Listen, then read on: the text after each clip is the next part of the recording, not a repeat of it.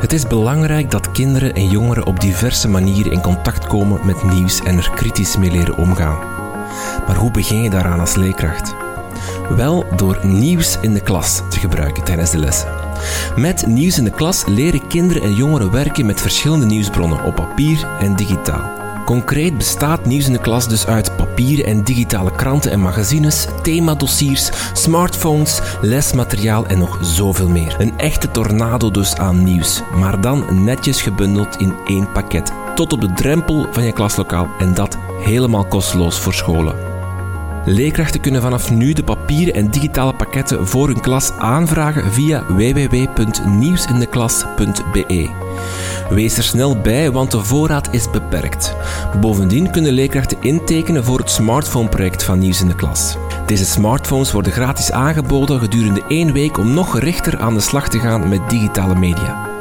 Zeker de moeite om te bekijken via www.nieuwsindeklas.be.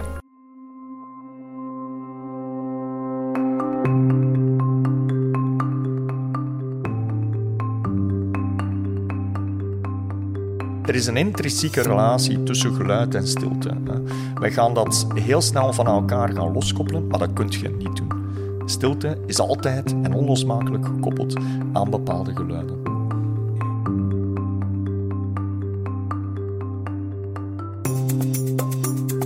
Hallo en welkom bij Buiten de Krijtlijnen. Mijn naam is Rinke van Hoek en dit is uw podcast over onderwijs.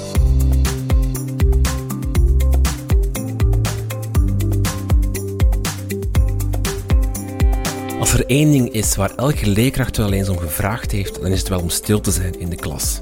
Dat doen we door sht, met een vinger in de lucht, klappen in de handen of welke manier dan ook. En soms dan willen we weer wel geluid. Dan willen we reactie en interactie tussen de leerlingen, debat, gesprek, discussie. Kortom, stilte heeft een speciale plaats binnen het onderwijs en zo ook in de geschiedenis van ons onderwijs. Stilte heeft namelijk verschillende evoluties gekend binnen ons onderwijs doorheen de tijd. Professor Pieter Verstraeten schreef daarover een boek. Stilte in de klas, een geschiedenis van de pedagogische omgang met stilte op school, is een historisch overzicht van hoe er pedagogisch werd omgegaan met stilte binnen onderwijs. Wij spraken met professor Verstraeten over die geschiedenis van de stilte, maar ook over hoe hij kijkt naar hoe stilte nu een plaats krijgt binnen onderwijs. Professor Pieter Verstraeten.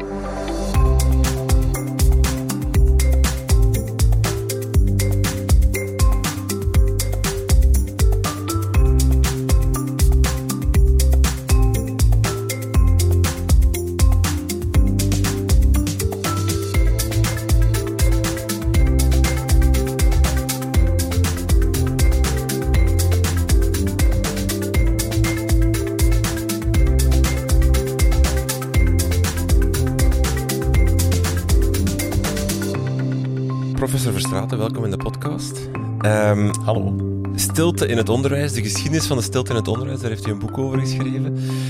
De, de eerste vraag die zich dan toch opwerpt is, waarom, van waar die interesse in stilte? Uh, dan moeten we een beetje teruggaan in de tijd en terugkeren naar mijn jeugdjaren. Ik ben opgegroeid in West-Vlaanderen. En zowel langs mijn vaderskant als langs mijn moederskant was stilte iets heel belangrijks, of toch iets wat al veel structuur gaf aan het leven van die mensen. Als ik kijk naar de familie van mijn vader, dan denk ik onmiddellijk aan mijn grootvader, die uh, vanaf uh, zijn vijftigste levensjaar ongeveer geconfronteerd werd uh, met de ziekte MS die hem na verloop van tijd bedlegerig heeft gemaakt en er ook voor heeft gezorgd dat hij eigenlijk heel weinig sprak. Uh, ik heb heel weinig herinneringen aan de klank van mijn grootvader. Ik zie hem voornamelijk liggen uh, in zijn bed.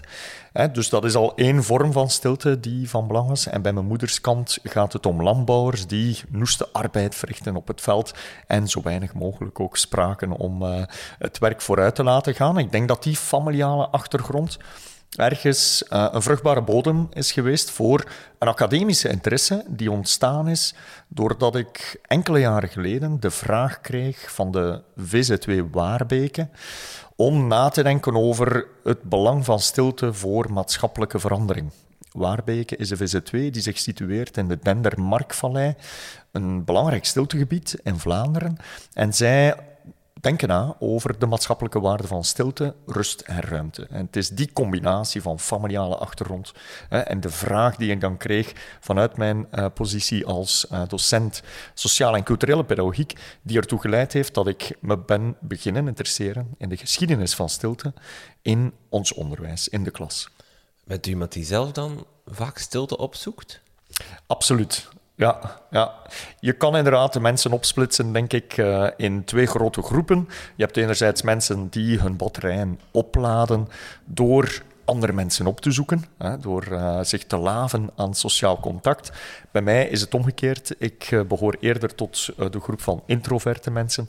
Mensen die hun batterijen net opladen door eventjes apart te gaan zitten, een boek te lezen en in stilte na te denken. En dat is al heel mijn leven zo, denk ik. En het klopt dat ja, het boek misschien ook wel een manier is geweest voor mij om na te denken over ja, wat betekent die stilte nu eigenlijk voor mij? Op welke manier kan ik daar op een positieve manier naartoe kijken? Want ik merk wel dat in onze hedendaagse maatschappij stil zijn toch nog steeds een uh, dubbelzinnige betekenis heeft. Hè? Mensen uh, lijken er wel meer en meer naartoe op zoek te gaan, maar terzelfde tijd is het toch iets wat uh, mankeert, wat mensen als een tekort aanvoelen.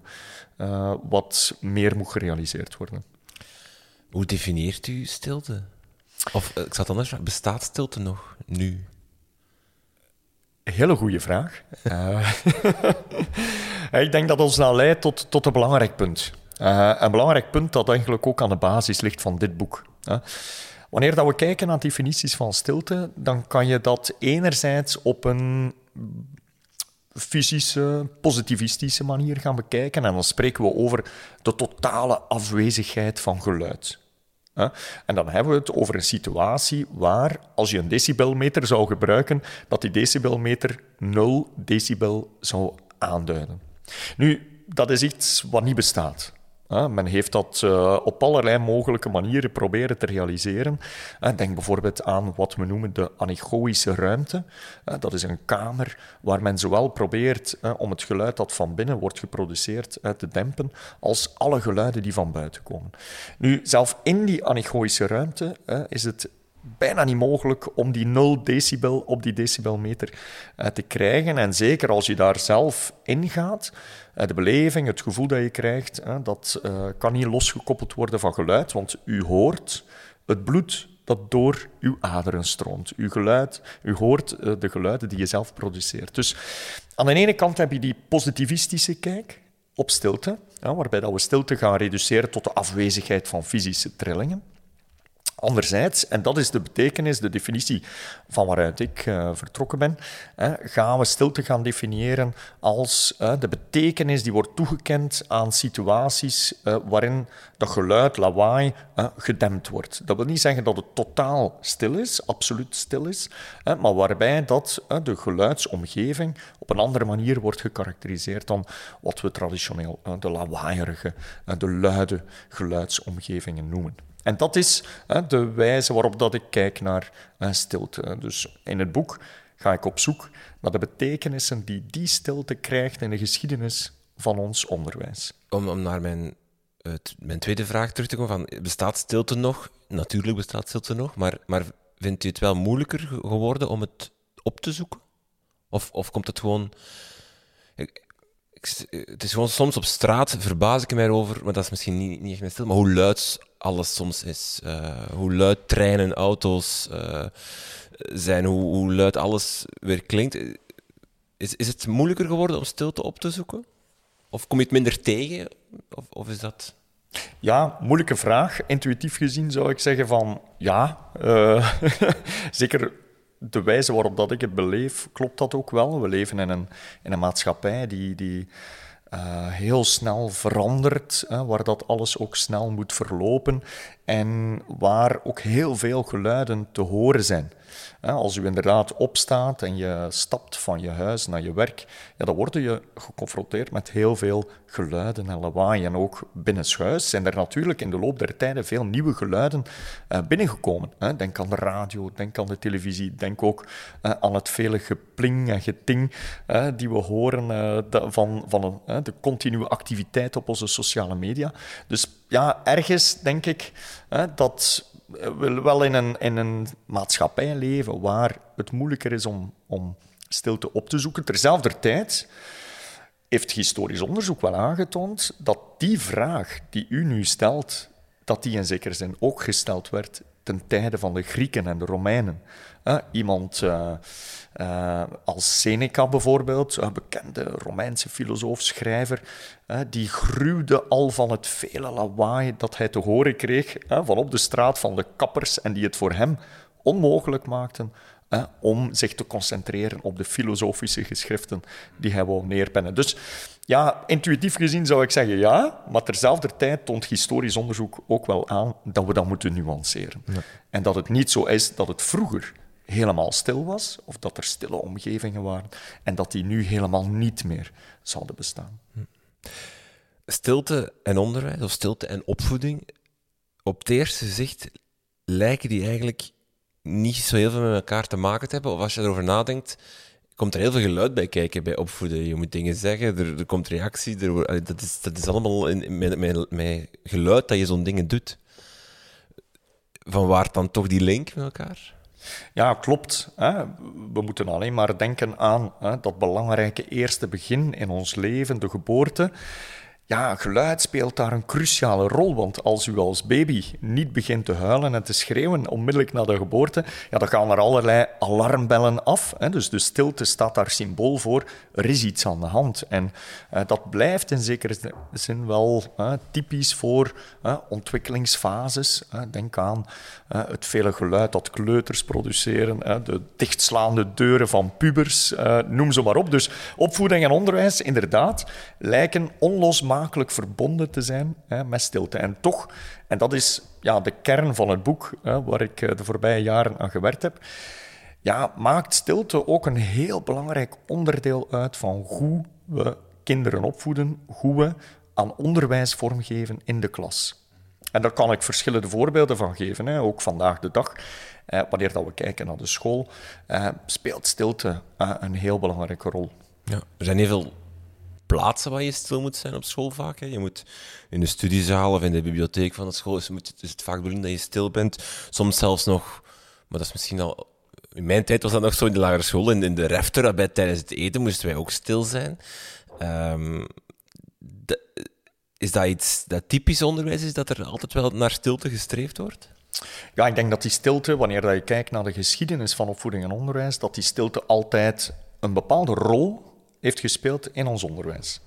En wanneer dat we teruggaan uh, naar uh, die Griekse-Romeinse tijd, dan waren er pedagogen die zeiden: in onze school mag je gedurende de eerste vier, vijf jaar geen enkel woord uiten. U moet absolute stilte bewaren. U moet alleen maar luisteren. En pas na die vijf jaar vinden we het toelaatbaar dat je begint te spreken, dat er een dialoog begint te ontstaan tussen de leraar en de leerkracht. En uh, die stilte die komt ook terug in humanistische versies van opvoeding en onderwijs, uh, ten tijde van de verlichting. En ook vandaag de dag blijft die eigenlijk voorop staan. Maar belangrijk, en dat is hetgene wat ik probeer te beargumenteren in het boek, is dat de specifieke rol die we toekennen aan stilte, dat die verandert doorheen de tijd. En dat is een belangrijk gegeven dat ik wil meegeven aan de lezer. Dus terugkerend op die definitie. Aan de ene kant kan je stilte definiëren als de absolute afwezigheid van geluid. En dan blijft die stilte overal en altijd hetzelfde. Maar ik wil specifiek nadenken over welke betekenissen kennen we toe aan de stilte. En hoe veranderen die betekenissen doorheen de tijd. Mhm. Stilte en geluid kan je ook niet van elkaar loskoppelen. Het een resulteert vaak in het andere. Gewoon aan de manier waarop dat we mensen tot stilte aanmanen. De sst, dat is eigenlijk heel luid. Vaak doen we dat ook in de klas. En maar met geluid willen we dan tot stilte brengen. Mhm. Ja, absoluut. En, en, je verwijst naar uh, het meest archetypische gebaar van de leerkracht uh, dat je kunt bedenken wellicht. Hè? Dus de typische wijsvinger op de lippen en het bijhorende geluid van maar je hebt ook nog andere geluiden die mensen gebruiken, leerkrachten gebruiken, onderwijzers gebruiken. Het geklap in de handen, waardoor dat de aandacht van de leerkracht, van de leerlingen getrokken wordt hè, en waardoor ze worden aangespoord om hè, uh, stil te zijn. Of En natuurlijk het fluitsignaal. Uh, dat is een beetje in... In, uh... in de LO-lessen misschien nog. Ja, ja. vroeger was dat bon ton om dat te gebruiken. Maar vandaag de dag wordt dat waarschijnlijk enkel nog gebruikt in, in de LO-lessen. Maar inderdaad, hè, er is een intrinsieke relatie tussen geluid en stilte. Hè. Wij gaan dat heel snel van elkaar gaan loskoppelen, maar dat kun je niet doen. Stilte is altijd en onlosmakelijk gekoppeld aan bepaalde geluiden. Jouw boek begint in de 17e eeuw met de luide school. Kan je die situatie van de luide school even schetsen, wat we daaronder verstaan? Uh, zeker en vast kan ik op verschillende manieren. Hè. We kunnen dat doen door bijvoorbeeld te verwijzen naar de boeiende geschriften van de humanist Desiderius Erasmus. En Erasmus die beschrijft in een van zijn geschriften over opvoeding hè, hoe de school weer klonk in die tijd. En hij zei, als ik langs een school loop, dan hoor ik niet echt een school, maar dan hoor ik een folterkamer. Uh, waarom? Omdat de kinderen continu gedurig schreeuwden omwille van de vele hardhandige en vaak ook hardvochtige uh, onderwijsmethodes die de leerkrachten hanteerden. Uh, heel concreet, het gebruik van zweepslagen was zeker nog ingeburgerd in die tijd. Uh, het feit dat kinderen in hoeken werden gezet en daar met de blote hand op het achterwerk werden geslagen, noem ze maar op. En dat vinden we ook terug in ehm, ehm, visuele afbeeldingen van de school, van de klas uit die periode. Ah, bijvoorbeeld prachtig schilderij uit de 17e eeuw van Adriaan Brouwer. De school, wel wat zien we daar? We zien een leerkracht met ontblote hand, een leerling met ontbloot achterwerk, een pandoering geven. En je ziet dat zowel de leerkracht als de leerling het uitschreeuwen. Dus visuele representaties, schriftelijke beschrijvingen van de school, die staan bol van geluiden dat was een luide school. En die luide school die had ook te maken met de specifieke aanpak van het onderwijs in die tijd. men sprak nog niet over klassikaal onderwijs, dat was helemaal nog niet aan de orde. Men had het over hoofdelijk onderwijs. En dat betekende dat elke leerling op zich bezig was een lesje te leren. En af en toe werd de leerling naar voren geroepen bij de leerkracht, individueel, om dat lesje luidop op te zeggen.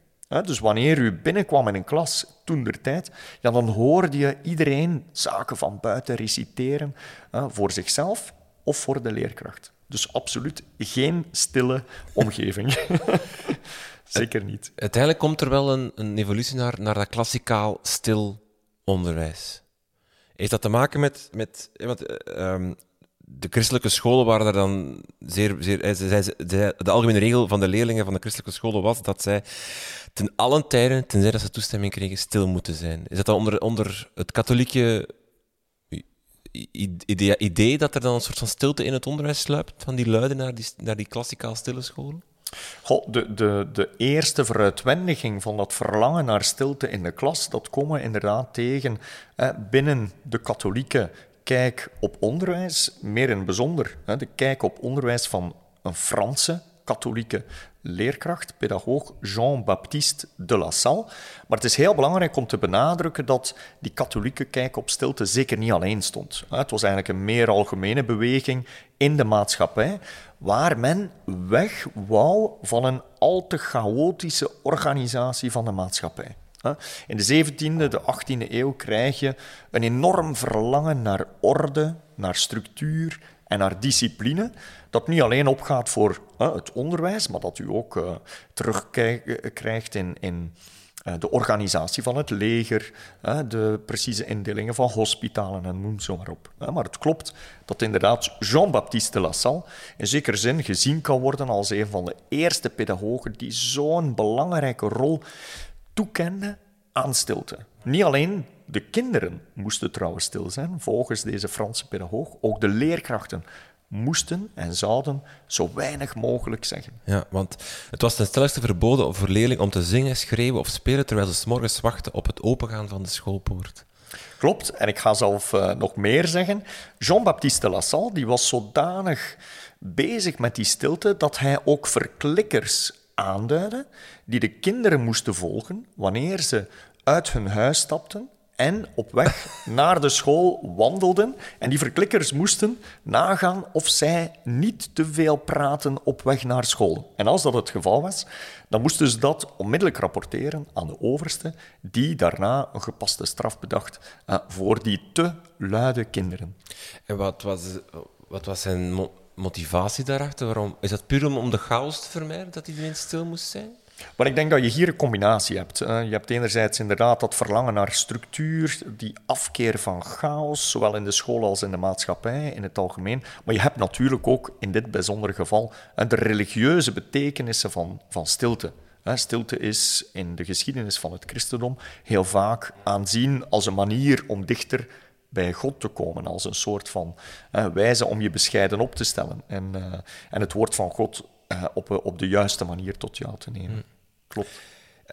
Zoals je daarnet zei, De La Salle beschrijft ook enkele, of geeft tips eigenlijk aan leerkrachten hoe dat ze die stilte kunnen bewaren. De eerste daarvan is, wees zelf gewoon zo stil mogelijk. Hij zegt, onderwijzers die te veel praten raken verwikkeld in een akoestisch opbod dat nooit of te nimmer tot enige ordentelijkheid kan leiden. Aha, nee. En ik moet zeggen, ik herken dat wel. Het is, het is wel zo, als je meegaat in het lawaai van je leerlingen, je gaat hè, de leerlingen praten, jij gaat iets luider zeggen dat ze stil moeten zijn, die leerlingen vaak gaan dan zelf en, en je, je, je, je bent vertrokken.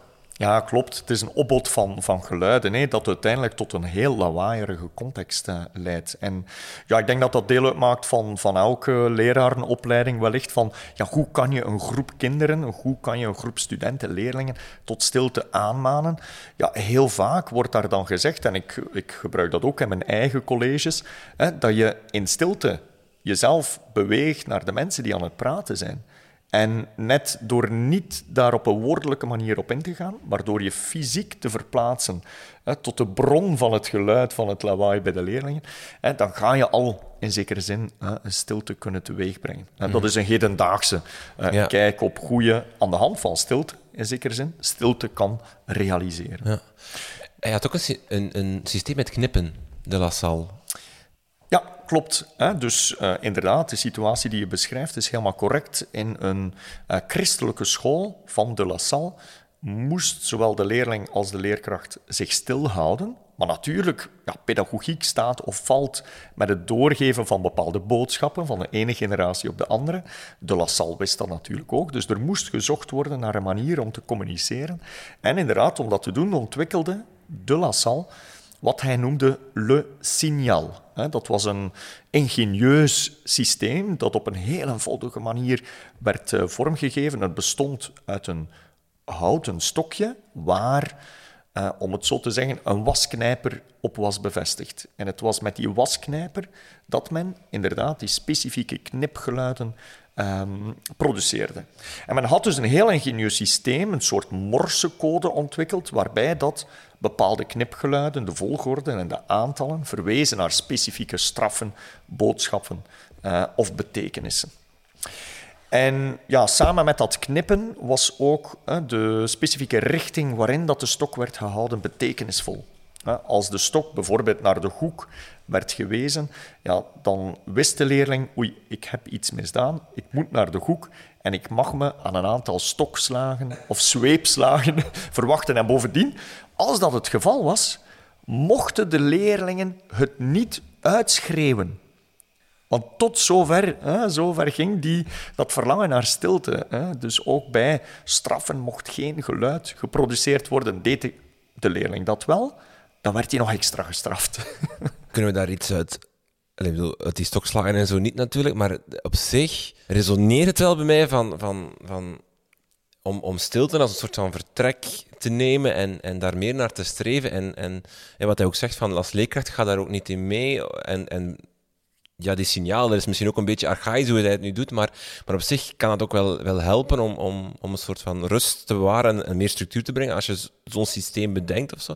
Is dat wel iets dat je eruit kan meepakken voor ons huidige onderwijs? Of, of Ik denk inderdaad dat je natuurlijk bij het rechte eind hebt wanneer dat je zegt dat stokslagen en zweepslagen niet meer van deze tijd zijn. uh, dat is uh, absoluut uh, uit een boze en gelukkig maar, zou ik denken. maar inderdaad, ja, ik, ik, ik heb zelf ook wel ergens dat gevoel dat bijvoorbeeld wanneer dat je een vraag stelt in de aula, in een klas, dat er heel snel een antwoord wordt verwacht. En dat het daar ook wel zinvol kan zijn om bepaalde stiltes toe te laten. Dat je een klas ook eventjes kan laten nadenken. Zelf tot op het punt dat die stilte bevreemdend of wat lastig begint te worden. Want we zijn heel vaak geneigd om heel veel minuten en uren vol te praten, maar die stilte kan ook heel weldadig en heel geconcentreerd zijn. Ja, want, want de La Salle, of, dat is inderdaad misschien vanuit dat katholiek idee, maar, maar die, die, zegt, die, die is niet bang van stilte. En, en wij nu wel, soms heb ik het gevoel. Hè. Als, ik, als ik een vraag stel en, en het is stil in de klas, dan begin ik... Allee jongens, wat is wakker? Hè, wat is dat hier? Terwijl misschien moet ik... Is die stilte ook een antwoord? Of is die stilte ook... Of is die stilte een, een, een, een moment van na... Allee, ja... Zijn we bang van stilte geworden? Ik denk dat we in het onderwijs zeker bang zijn geworden van stilte. En dat heeft alles te maken met de geschiedenis van opvoeding en onderwijs, denk ik. Wij zijn de erfgenamen van een ontwikkeling die in de loop van de 19e eeuw een enorme vlucht heeft gekend en die we traditioneel benoemen onder de reformpedagogische beweging. Binnen de school, binnen de klas. Een beweging waarbij dat, de stille klas in zekere zin ehm, heel intensief bekritiseerd werd. Zitten we dan bij Maria Montessori of is dat er nog voor? Ten dele zitten we dan zeker en vast bij Maria Montessori. Want dat is een beetje de volgende figuur in jouw boek die, die heel bepalend geweest is.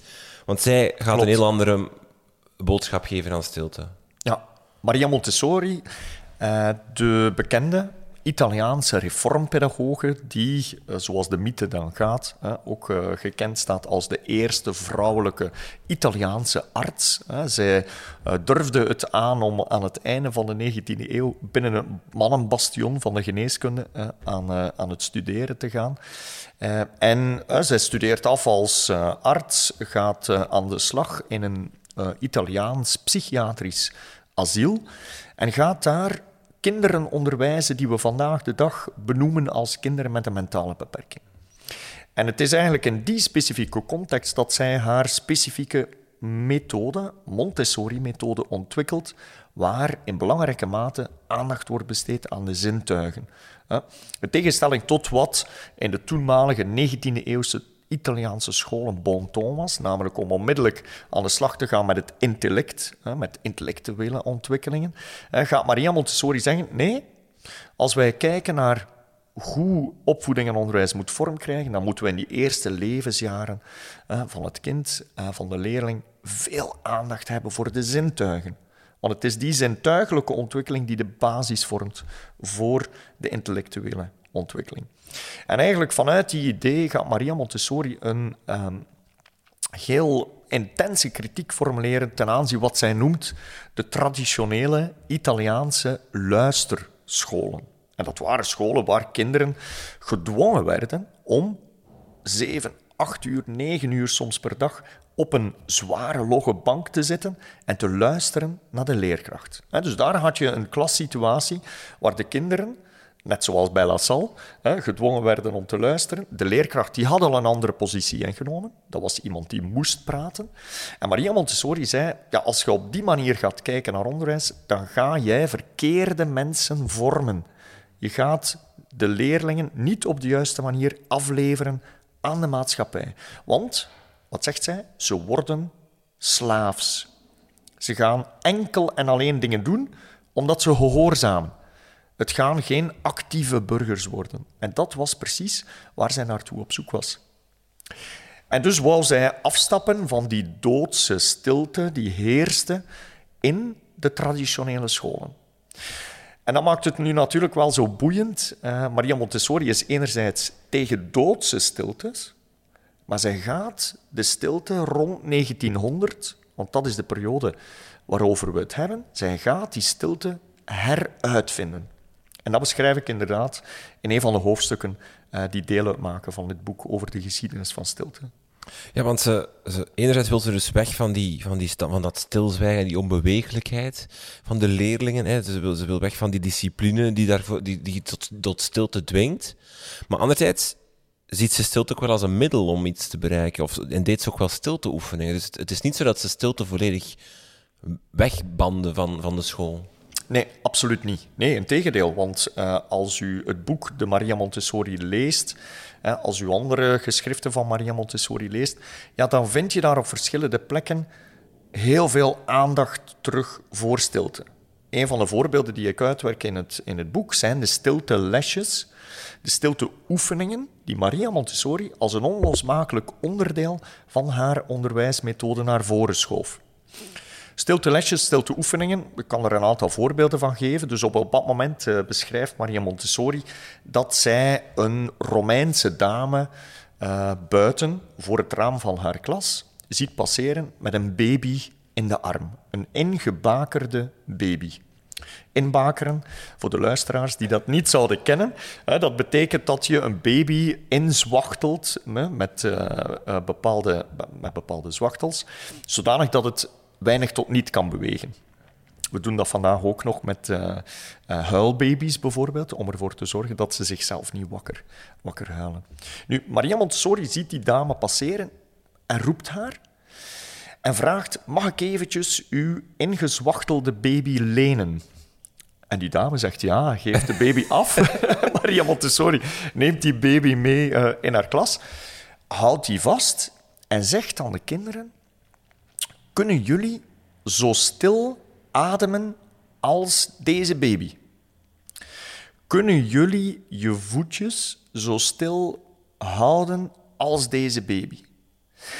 En dus, wat gebeurt er? Die klas die voelt zich aangesproken, in zekere zin verleid om het stil te maken.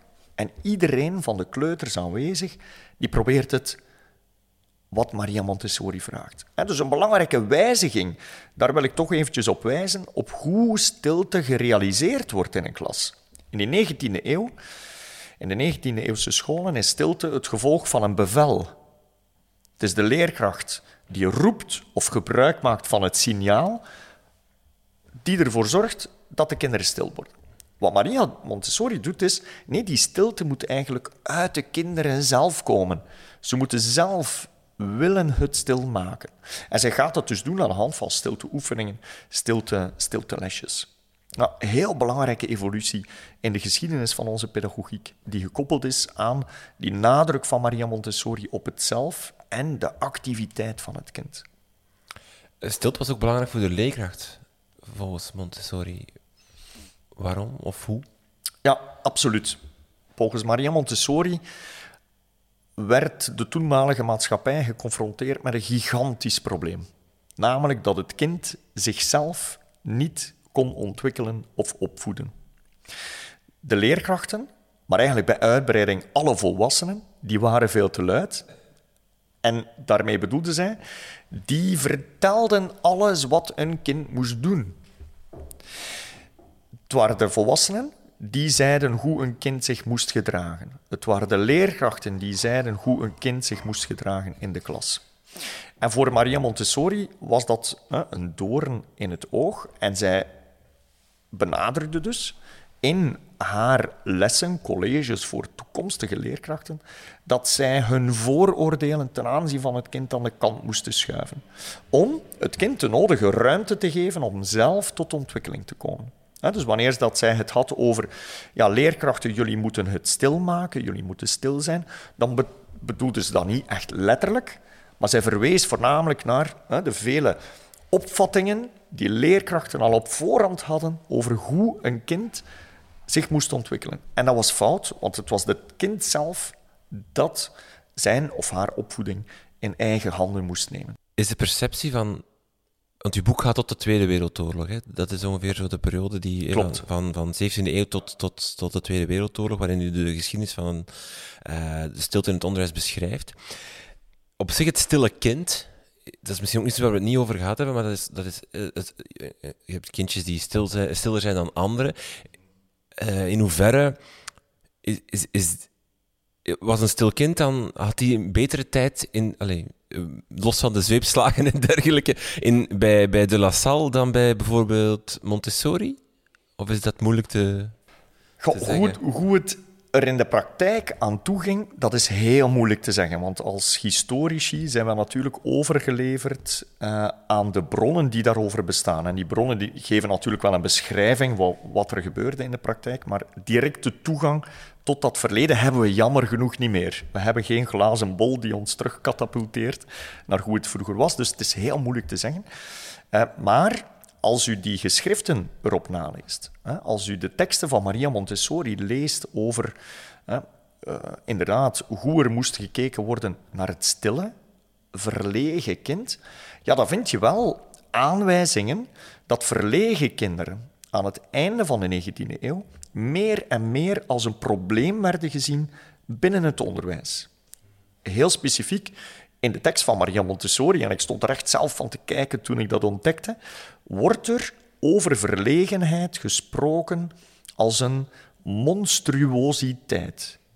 Het is iets wat gekoppeld kan en moet worden aan een foute ontwikkeling van het kind. In de Casa dei Bambini, de Montessori kindertehuizen, zegt Montessori, vind je geen verlegen kinderen. Want zij worden allemaal opgevoed tot sociale, actieve en productieve individuen. Verlegenheid is een kenmerk van foutief onderwijs. Stille kinderen zijn het resultaat van de luisterscholen. En daar moeten we vanaf. En ik denk ja, dat wij tot op vandaag de dag ook nog altijd een beetje de erfenis dragen van die evolutie. Want uh, als ik bijvoorbeeld kijk naar mijn eigen familiale situatie, ik heb drie kinderen.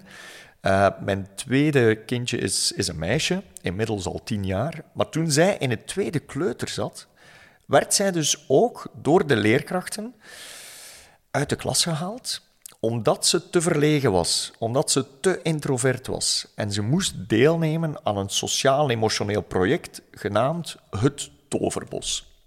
En dat was natuurlijk met de beste bedoelingen, maar ergens heeft bij mij dat ook wel een beetje de interesse gewekt in ja, hoe keek men dan vroeger naar die verlegen kinderen? Is dat al altijd zo geweest? En hebben verlegen kinderen zelf altijd mogelijk geworsteld met bepaalde gevoelens van minderwaardigheid, zoals dat vandaag uh, zeker het geval is. En dus in, in, in, mijn, uh, in mijn historisch onderzoek heb ik een prachtige bron gevonden. Een 18e eeuws document waarin een 40-jarige man beschrijft hoe hij in die periode al, hè, dus we spreken over 300 jaar geleden, 200, 300 jaar geleden, hoe hij in die periode worstelde met zijn verlegenheid. En hij omschreef zichzelf als timidus.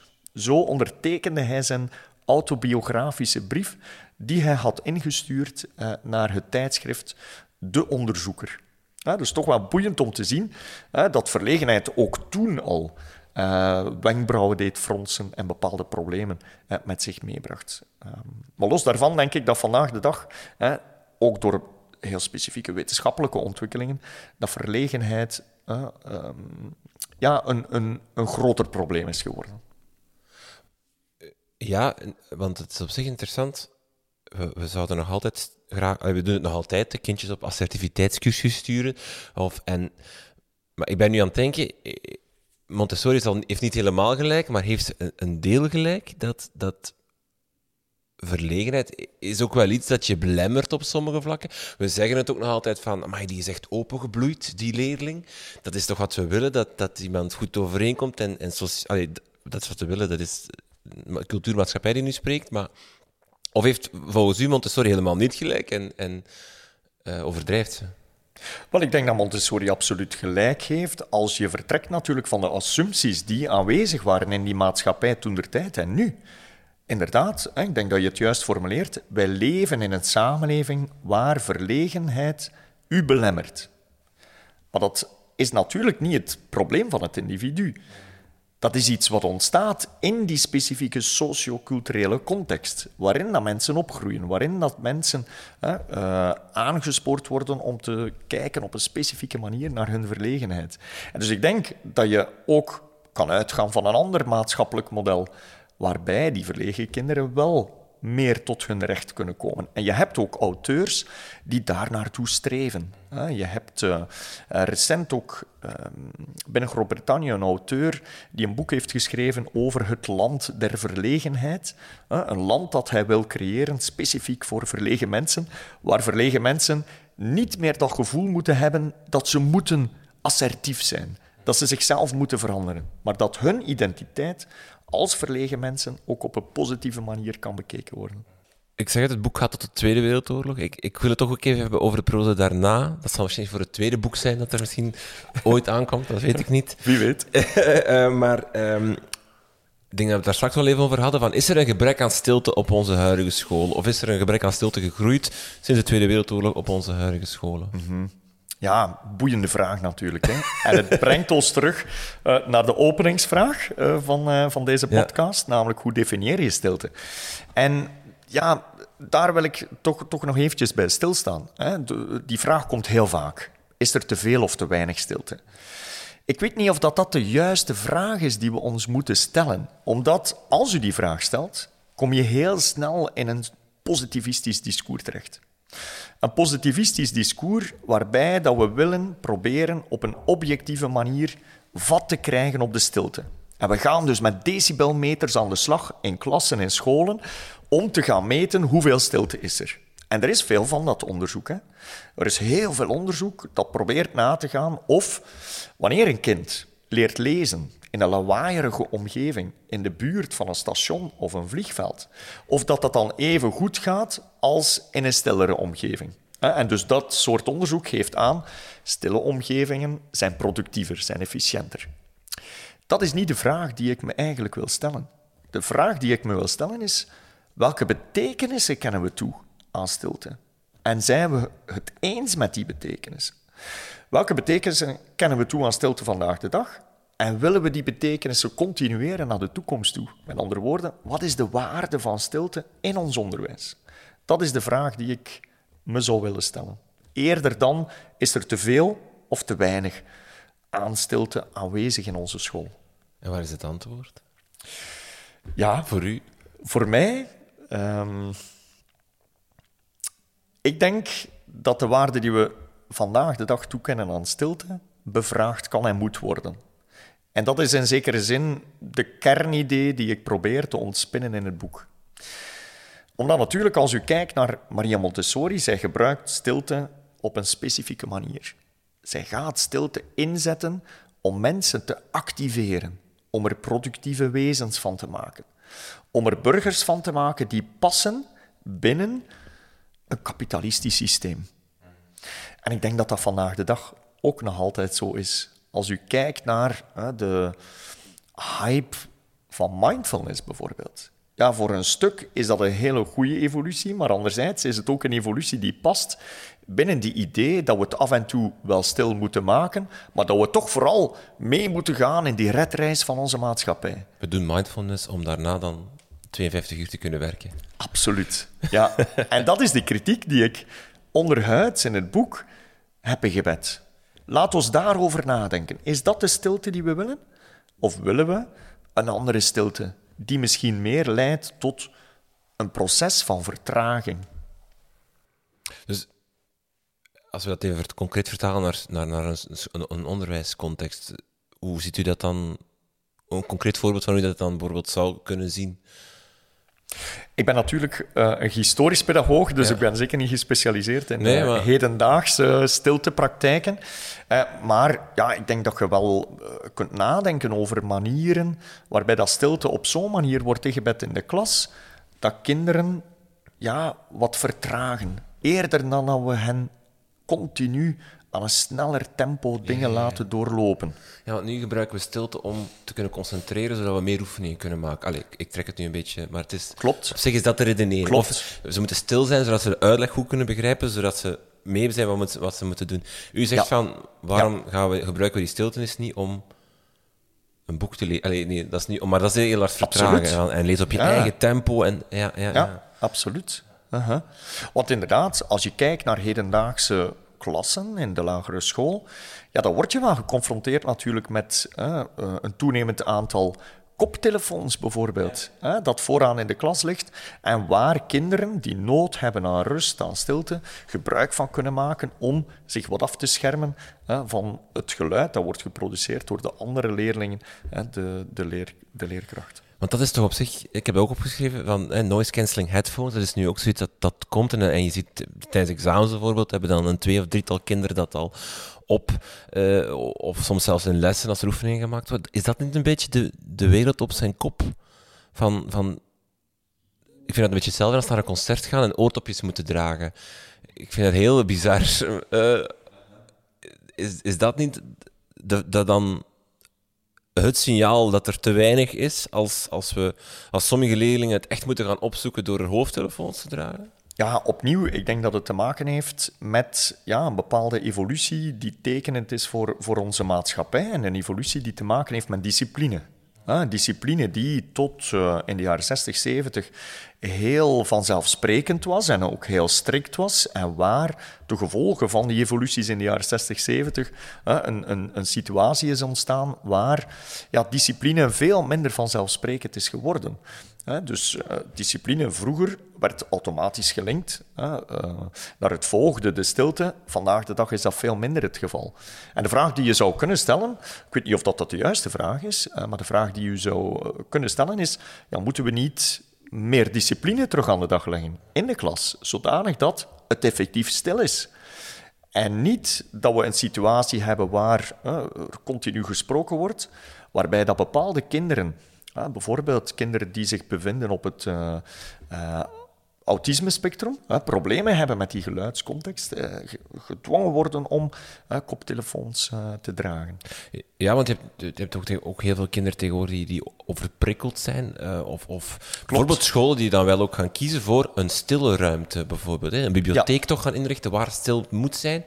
en dat is dan vaak de enigste ruimte in, in de school waar je stil kan zijn. Of, of bijvoorbeeld op school komt die vraag af en toe wel eens van, ook van leerkrachten, van, oh, dat is zo zalig zijn, moesten een bibliotheek hebben waar dat stil is, dat je kan gaan zitten. Want,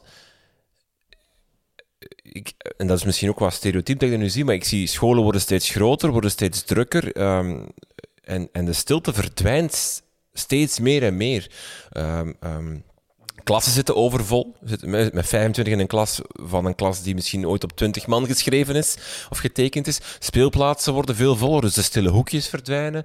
Uh, gangen slippen dicht. Het is, het is, het wordt, het is zo'n drukke omgeving geworden. Het is bijna zo constant een rockwerchtergevoel soms dat ik heb op school. Dat je, als je daar rondloopt... Allee, ik overdrijf nu, weet je. Hè, maar, maar het is wel, wel, wel dat van... van um, het is soms zoeken naar de stille plek op school. Ja, absoluut. absoluut. Ja, en ik zal zelf meer durven zeggen, hè, en dan keren we terug naar de vraag die u daarnet stelde. Ja, als u dan inderdaad kijkt naar hoe dat stilte in de loop van hè, de 20e eeuw geherdefinieerd is geworden, ja, vaak gaat die stilte bijdragen aan dat rockwerchtergevoel, die snelheid en die keuzestress die je hebt, omdat er acht verschillende podia zijn waartussen dat je moet kiezen. Hè? Uh, het voorbeeld dat ik uitwerk in, in het boek is het voorbeeld van het stil lezen. Hè? Als we kijken naar de geschiedenis van hoe kinderen leerden lezen, ja, dat was dat hè, tot aan het einde van de 19e eeuw luidop.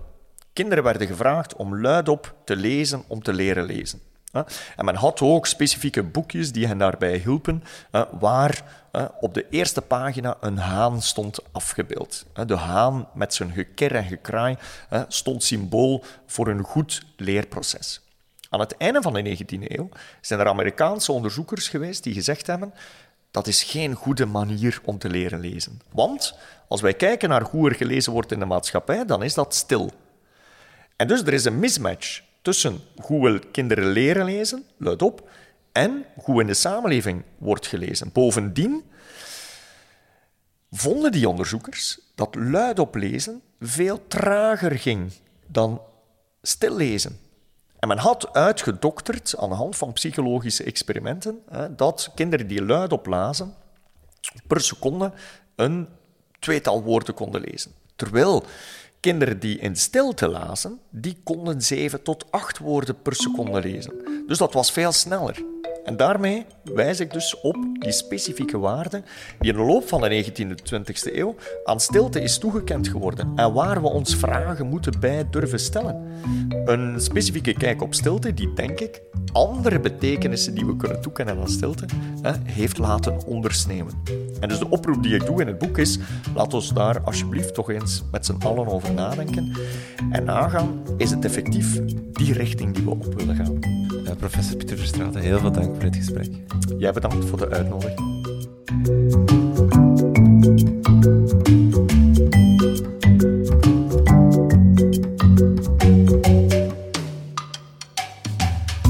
Dit was het dan weer voor deze aflevering van Buiten de Krijtlijnen.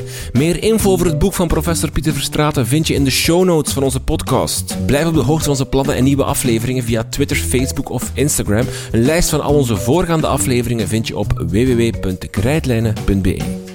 Dank voor het luisteren en tot de volgende.